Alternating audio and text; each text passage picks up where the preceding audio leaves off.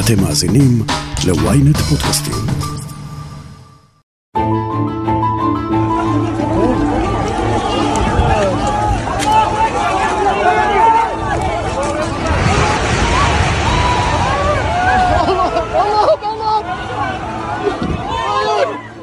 רעידת האדמה שפקדה את טורקיה וסוריה, אור ליום שני, הייתה רעידת האדמה החזקה ביותר מזה 80 שנים באזור.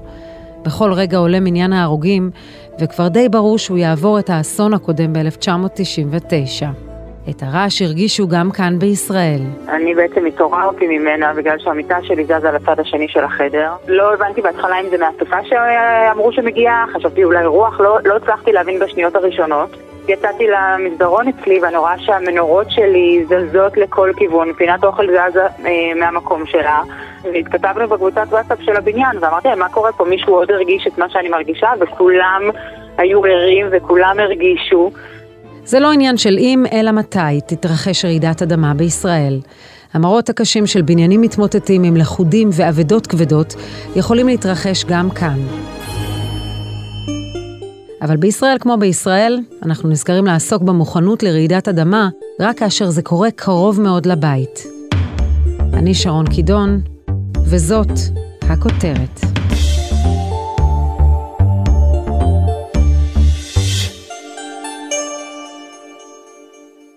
המומחים אומרים בוודאות כי רעידת אדמה היא עניין של זמן, ואפילו תתרחש בקרוב. פרופסור שמואל מרקו הוא מומחה לגיאופיזיקה מאוניברסיטת תל אביב, והוא מסביר מאיפה הם שואבים את הביטחון שלהם. אנחנו יודעים על רעידות אדמה בעתיד על פי העבר.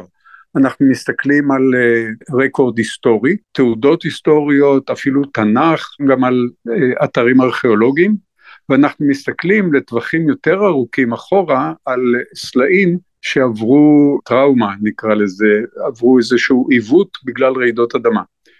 על פי כל הנתונים האלה, לאורך כל השנים האחרונות, מבחינה גיאולוגית, הייתי אומר, היו רעידות אדמה באזור וחלקן מאוד חזקות, אנחנו יודעים שהם הרסו יישובים, אם כך ללא ספק יהיו גם בעתיד, כי כדור הארץ ממשיך להתנהג כמו שהוא מתנהג בלי התחשבות באנושות.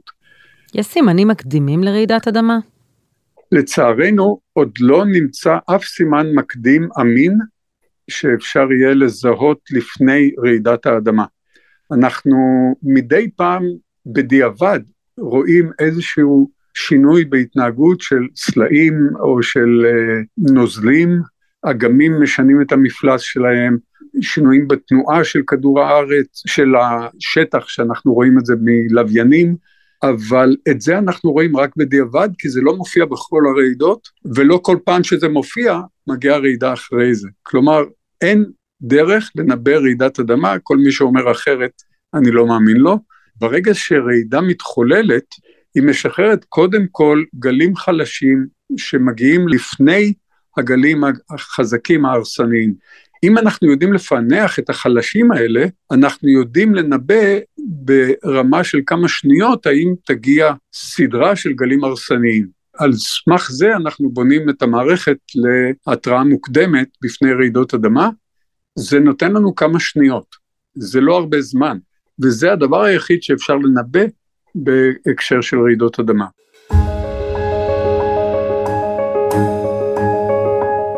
רעידת האדמה הנוכחית שלוותה בעוד רעשי משנה אירעה בדרום מזרח טורקיה סמוך לגבול הסורי וגרמה נזקים כבדים ביותר בשתי המדינות.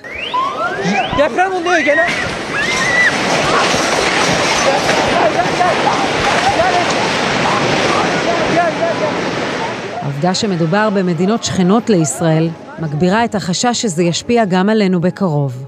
אם נדמיין איזה בד שסגור בריצ'ראץ', כמו חולצה עם כפתורים, שאנחנו תופסים מלמטה ומושכים, אז כפתור אחרי כפתור נקרע. אז היו סדרות של רעידות אדמה שהתקדמו, למשל מצפון לדרום. אי אפשר לדעת מראש אם אנחנו בפתחה של סדרה כזאת, אני מקווה שלא, אבל בכל מקרה זה מספיק רחוק מאיתנו כדי שזה לא יגיע מיד, וזה יכול לקחת 100, 200, 300 שנה, זה יכול להיות גם בשבוע הבא. אבל בהחלט, אחד הדברים שקורים בעקבות רעידת אדמה, זה שמשתנה משטר המאמצים הלחץ שמפעילים הלוחות על הסביבה והוא זה שגורם לרעידות. אז בהחלט יכול להיות שבסביבה הקרובה יתחוללו רעידות אדמה חזקות, כמו הזוג הזה שראינו, יכול להיות שתהיה גם שלישית ורביעית, אנחנו לא יודעים בדיוק מתי, אבל זה יכול להיות בשבועות הקרובים או בחודשים הקרובים. פעילות ססמית באזור אחד יכולה להניע אירועים במקום סמוך. ואצלנו כאן בישראל יש אזורים רגישים במיוחד. יש כאן גבול בין שני לוחות, הגיאולוגים קוראים לו בקע ים המלח או העתק ים המלח, בציבור הוא מוכר כשבר הסורי-אפריקאי, והוא נמצא לאורך אה, מפרץ אילת, הערבה, ים המלח עצמו, בקעת הירדן, החולה, חוצה את החרמון וממשיך הלאה דרך לבנון וסוריה, עד טורקיה. כל האזורים שמסביב לגבול הזה הם פגיעים לרעידות אדמה. בית שאן, טבריה, קריית שמונה, היישובים האלה ממש יושבים בצנטרום של הפיילה, כמו שאמרו פעם הגששים, במקום המסוכן ביותר. אפילו תל אביב לא מספיק רחוקה מהעתק ים המלח. העוצמה של הרעידה פוחתת עם המרחק, כי זה שחרור של אנרגיה, ואנרגיה נבלעת בנפח של הסלעים, כמו שקוראים לזה יפה בעברית רעש אדמה. אז גם רעש, מי שנמצא קרוב למקור הרעש שומע אותו חזק, מי שנמצא רחוק שומע חלש, נגיד מישור החוף, זה רחוק אבל לא רחוק מאוד. עוצמת הרעש הגבוהה בטורקיה עמדה על 7.8. בעבר נהגו למדוד על פי סולם ריכטר, אבל כיום מתייחסים למונח מגניטודה. המגניטודה, שהיא העוצמה, מושפעת מהגורם לרעידה שמסביר אותה ואת העוצמה שלה. היום אנחנו יודעים שרעידת אדמה זה קרע בקרום כדור הארץ, וככל ששטח הקריאה גדול יותר, הרעידה חזקה יותר, וככל שההתנגדות לקריאה, ככל שהחומר היה מודבק חזק יותר קודם, אז להתגבר עליה דורש עוצמה יותר חזקה. ולכן היום המדד לעוצמת רעידת האדמה זה המכפלה של שטח השבירה בתכונה של הסלע, שזה החוזק שלו, ההתנגדות שלו לשבירה, ומידת התנועה, עד כמה צד אחד זז ביחס לצד השני. כלומר, המכפלה הזאת, אנחנו קוראים לה בז'רגון של הגיאולוגים מומנט סייסמי, ובדרך כלל אנחנו מתרגמים את זה למגניטודה על פי ריכטר. יש לזה שתי סיבות. אחת, רוב הציבור מכיר את השם ריכטר, והשנייה, בשיטה הזאת התחילו להשתמש בסוף שנות ה-60. וכדי להשוות וכדי לא לאבד את המידע הישן הזה שנקבע לפי ריכטר, אנחנו ממשיכים להשתמש בשתי השיטות, מתרגמים הלוך חזור מריכטר למומנט, פשוט כדי שאפשר יהיה להבין חלון זמן ארוך יותר עם שתי השיטות. בישראל שמורגלת למצבי חירום ביטחוניים, כולם מתורגלים מה לעשות כשיש התראה מפני טילים ורקטות. מה שאנחנו פחות מתורגלים בו, זה מצב של רעידת אדמה. מסתבר שגם כאן יש לנו איך להיערך, וזה כולל כמו תמיד גם טרנזיסטור ומים. אפשר לחזק דברים שעלולים ליפול. למי שיש כוננית ספרים עם uh, האנציקלופדיה העברית למעלה, צריך לחזק אותה לקיר שלא ייפלו. חומרים מסוכנים, לא לאחסן במדף שהם עלולים ליפול ממנו.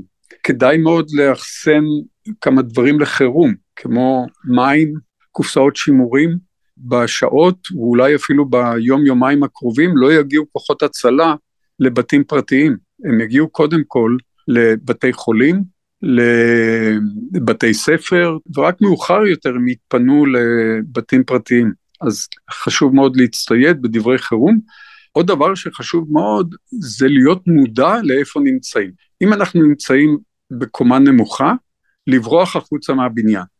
אם בקומה גבוהה, לא להשתמש במעלית, כי אנחנו עלולים להיתקע בגלל הפסקת חשמל, לנסות uh, לרדת, או אם זה ממש גבוה, מעל קומה שישית, שביעית וכך הלאה, לעמוד במקום, אם יש ממ"ד, זה הכי טוב, לעמוד מתחת למשקוף, או אפילו מתחת לשולחן או מתחת למיטה, כדי שאם משהו נופל מלמעלה, כמו תקרה או חלקים מהתקרה, זה יגן עלינו.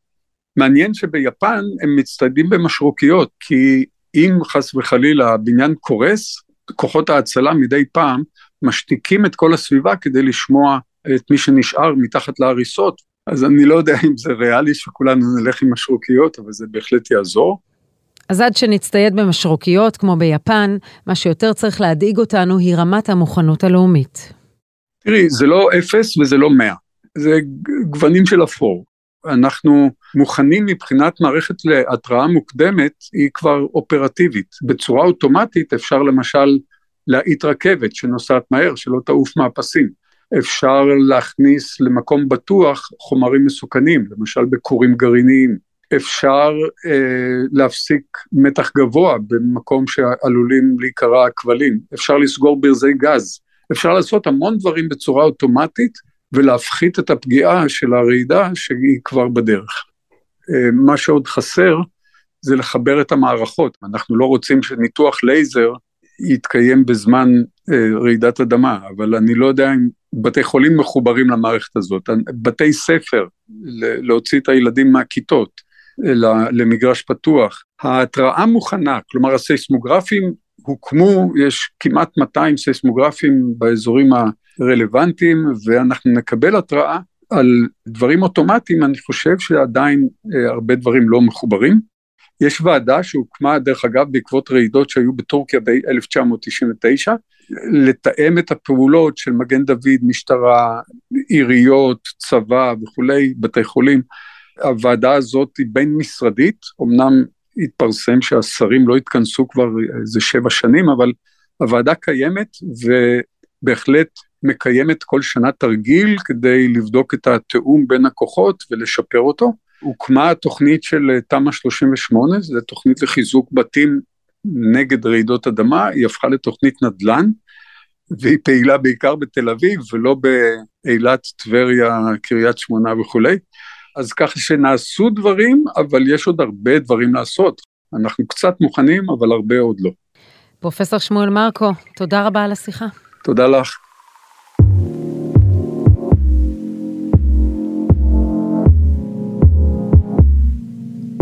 באיזה תחום ישראל ערוכה ובאיזה לא, ומהו תרחיש האימים שצפוי אם ישראל לא תיערך כראוי לרעידת אדמה משמעותית.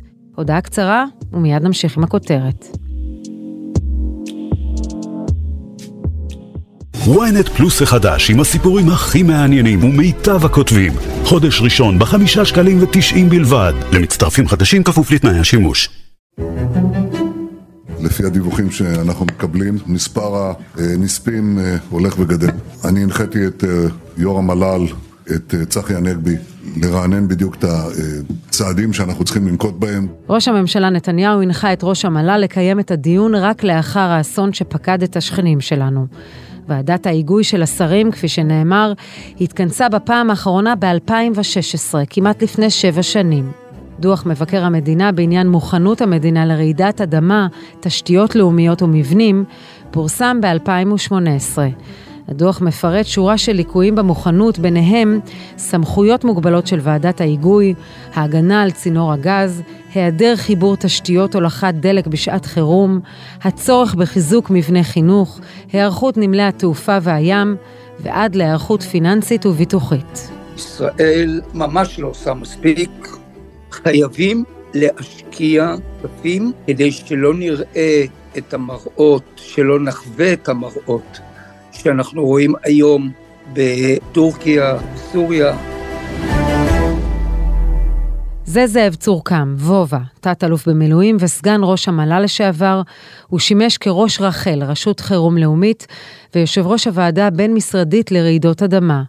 וגם מבחינתו למדינת ישראל יש לא מעט דברים שניתן לעשות. יש במדינת ישראל כ-600 עד 700 אלף בתי מגורים מהסוגים השונים.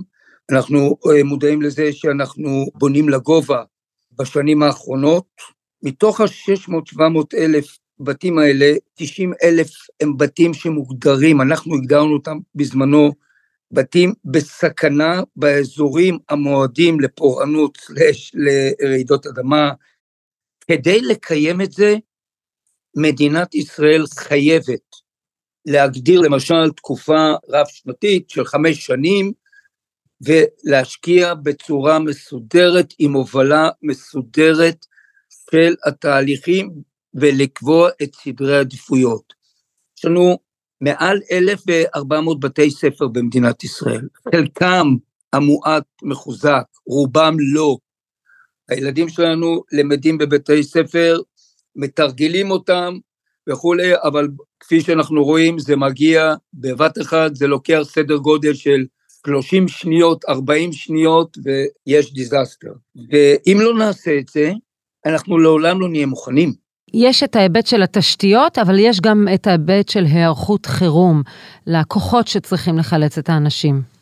תראי, הכוחות בסך הכל במדינת ישראל, כאנשי מקצוע, שזה פיקוד העורף, משטרת ישראל, כיבוי אש, מגן דוד אדום, הם ערוכים והם יודעים את מלאכתם.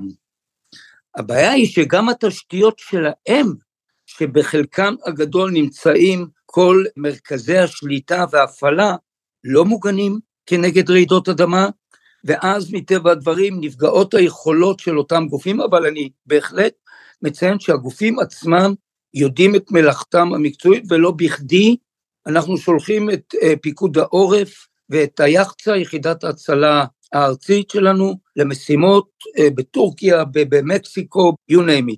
הבעיה היא היקפי כוח האדם אל מול המשימות שתהיינה, כי ההרס יהיה עצום, ולא בהכרח כוחות ההצלה תגענה לכל מקום. אני מזכיר גם שברעידת אדמה, גם הכבישים אה, נהרסים, וגם הרכבות מפסיקות לפעול, ויהיה קשה לשנע, אבל הכוחות עצמם יודעים את מלאכתם נאמנה. חוץ ממבנים וכוחות ההצלה, בדוח המבקר הוזכרו במיוחד התשתיות הלאומיות. שם המצב לא השתנה דרמטית מאז פרסום הדוח ב-2018. אנחנו לא מוכנים ולא מתקדמים. וזה נכון לתשתיות של מערכת הבריאות, שהם יהיו וצריכים להיות הגופים הכי מוכנים כדי לקלוט את הנפגעים, אלה שנשארו בחיים, והפצועים למיניהם, על מנת שנוכל לטפל בהם. כל תשתיות המים, תשתיות הביוב, אנחנו לפעמים שמים את זה בצד, הביוב אם התשתיות לא מוכנות הוא יתפרץ מחלות וכל מה שקשור בזה. כל הנושא של uh, מתקני המפרץ, שדות התעופה שלנו, למשל שדה תעופה רמון שהוא יחסית חדש, נמצא בדיוק, אבל בדיוק על הקו השבר הסורי-אפריקאי, וצריך להביא למדינה סיוע מבחוץ. האם אנחנו ערוכים למשל לתת סיוע לסובבים אותנו הקרובים ביותר, שזה הרשות הפלסטינאית? אנחנו נצטרך לטפל בזה, לתת להם את הסיוע. אנחנו נצטרך לטפל בתשתיות בעזה. המכלול כולו, למרות שיש את הוועדה הבין-משרדית לרעידות אדמה, שאני הקמתי אותה בזמנו, איננה מקבלת את הגיבוי המתאים בהיבט התקציבי על מנת להוביל מהלך כדי לקדם את כל המוכנות שלנו, וזה יגיע. אם המצב יישאר כזה, מה התרחיש הקיצוני ביותר שמדברים עליו? אנחנו קבענו מסגרת להיערכות בזמנו.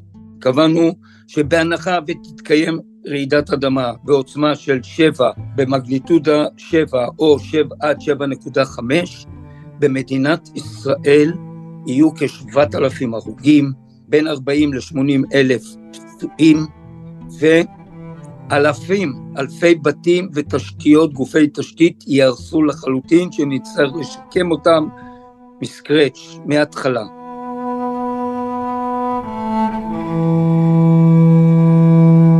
בנושא המוכנות לרעידת האדמה יש לא מעט גורמים פעילים. המל"ל, רשות החירום הלאומית, פיקוד העורף וכוחות ההצלה. הרשויות המקומיות, משרד השיכון והבינוי, ועדת ההיגוי ועוד ועוד. אבל מי הגורם המתכלל ומי נושא באחריות הכוללת לכך שאנחנו עדיין לא מספיק ערוכים? המדינה לא נערכת. למדינה יש הנהגה, למדינה יש ממשלה, למדינה יש בעלי תפקידים שאמורים לעסוק בזה. הצד האופרטיבי לחילוץ והצלה והיערכות הוא טוב. הצד המניעתי לקיים תהליך של מיטיגיישן, של נפחות, בכל הקשור לעוצמה של אסון כזה שיכול להיווצר, זה ממשלת ישראל, אין למישהו אחר, היא זו שקובעת התקציבים, היא זו שקובעת את סדרי העדיפויות, היא זו שצריכה לתת את ההנחיות, ולא רק לתת את ההנחיות, אלא גם לבקר את התהליכים. נכון שהיום יש את מבקר המדינה, אבל בעצם בקרה התהליכית צריכה להתבצע על ידי ממשלת ישראל.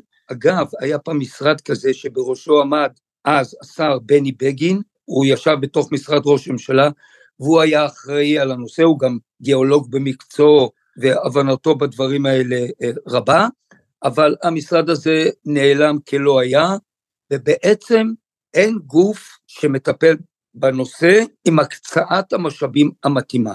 ויותר מכך, בהנחה וכבר תקרה רעידת אדמה, גם מישהו צריך אחר כך להיכנס לכל תהליך השיקום, שהוא בכלל שיקום ארוך טווח, כדי לדעת לקדם את זה, כי זה יקרה. אם לא יהיה גוף מרכזי בתוך הממשלה, במשרד ראש הממשלה, שיוביל את כל העסק הזה, אפילו ברמת שר, יותר חשוב מאשר הרבה שרים שאני אתבטא בעדינות, שלא עושים כלום ושום דבר, שיהיה איזה שר שיקח על עצמו, יקבל על עצמו את האחריות ויוביל. תראי, כרגע מוביל את זה בצורה כזו או אחרת המטה לביטחון לאומי, שגם הוא שייך למשרד ראש הממשלה. אבל המטה לביטחון יש, לאומי יש עוד עשרות סוגיות מדיניות ביטחוניות שהוא צריך לטפל בהן. רק גוף שיהודי לעניין, שהוא דדיקייטד לכל הדברים האלה, ומקבל את הגיבוי המלא מראש הממשלה והתקציבים הנדרשים, אנחנו נוכל לקדם את מוכנות מדינת ישראל לאירוע מהסוג הזה. תת-אלוף במילואים זאב צורקם, וובה, תודה רבה על השיחה. לא דבר, יום טוב, ונקווה שלא יהיה אה, לנו דברים כאלה. ועד כאן הכותרת להפעם. אתם מוזמנים לעקוב אחרינו בוויינט רדיו, באפליקציה, בנייד וגם ברכב, או איפה שאתם שומעים את הפודקאסטים שלכם. אם זה קורה באפל או בספוטיפיי, אתם מוזמנים גם לדרג אותנו ולהאזין לפרק נוסף שלנו. חפשו את הפרק "למה אין 911 בישראל". עורך הפודקאסטים הוא רון טוביה, איתי בצוות הכותרת ישי שנרב ויואב רבינוביץ', תחקיר, הפקה ועריכה אלי שמעוני וגיא סלם. אני שרון קידון, ניפגש בפעם הבאה.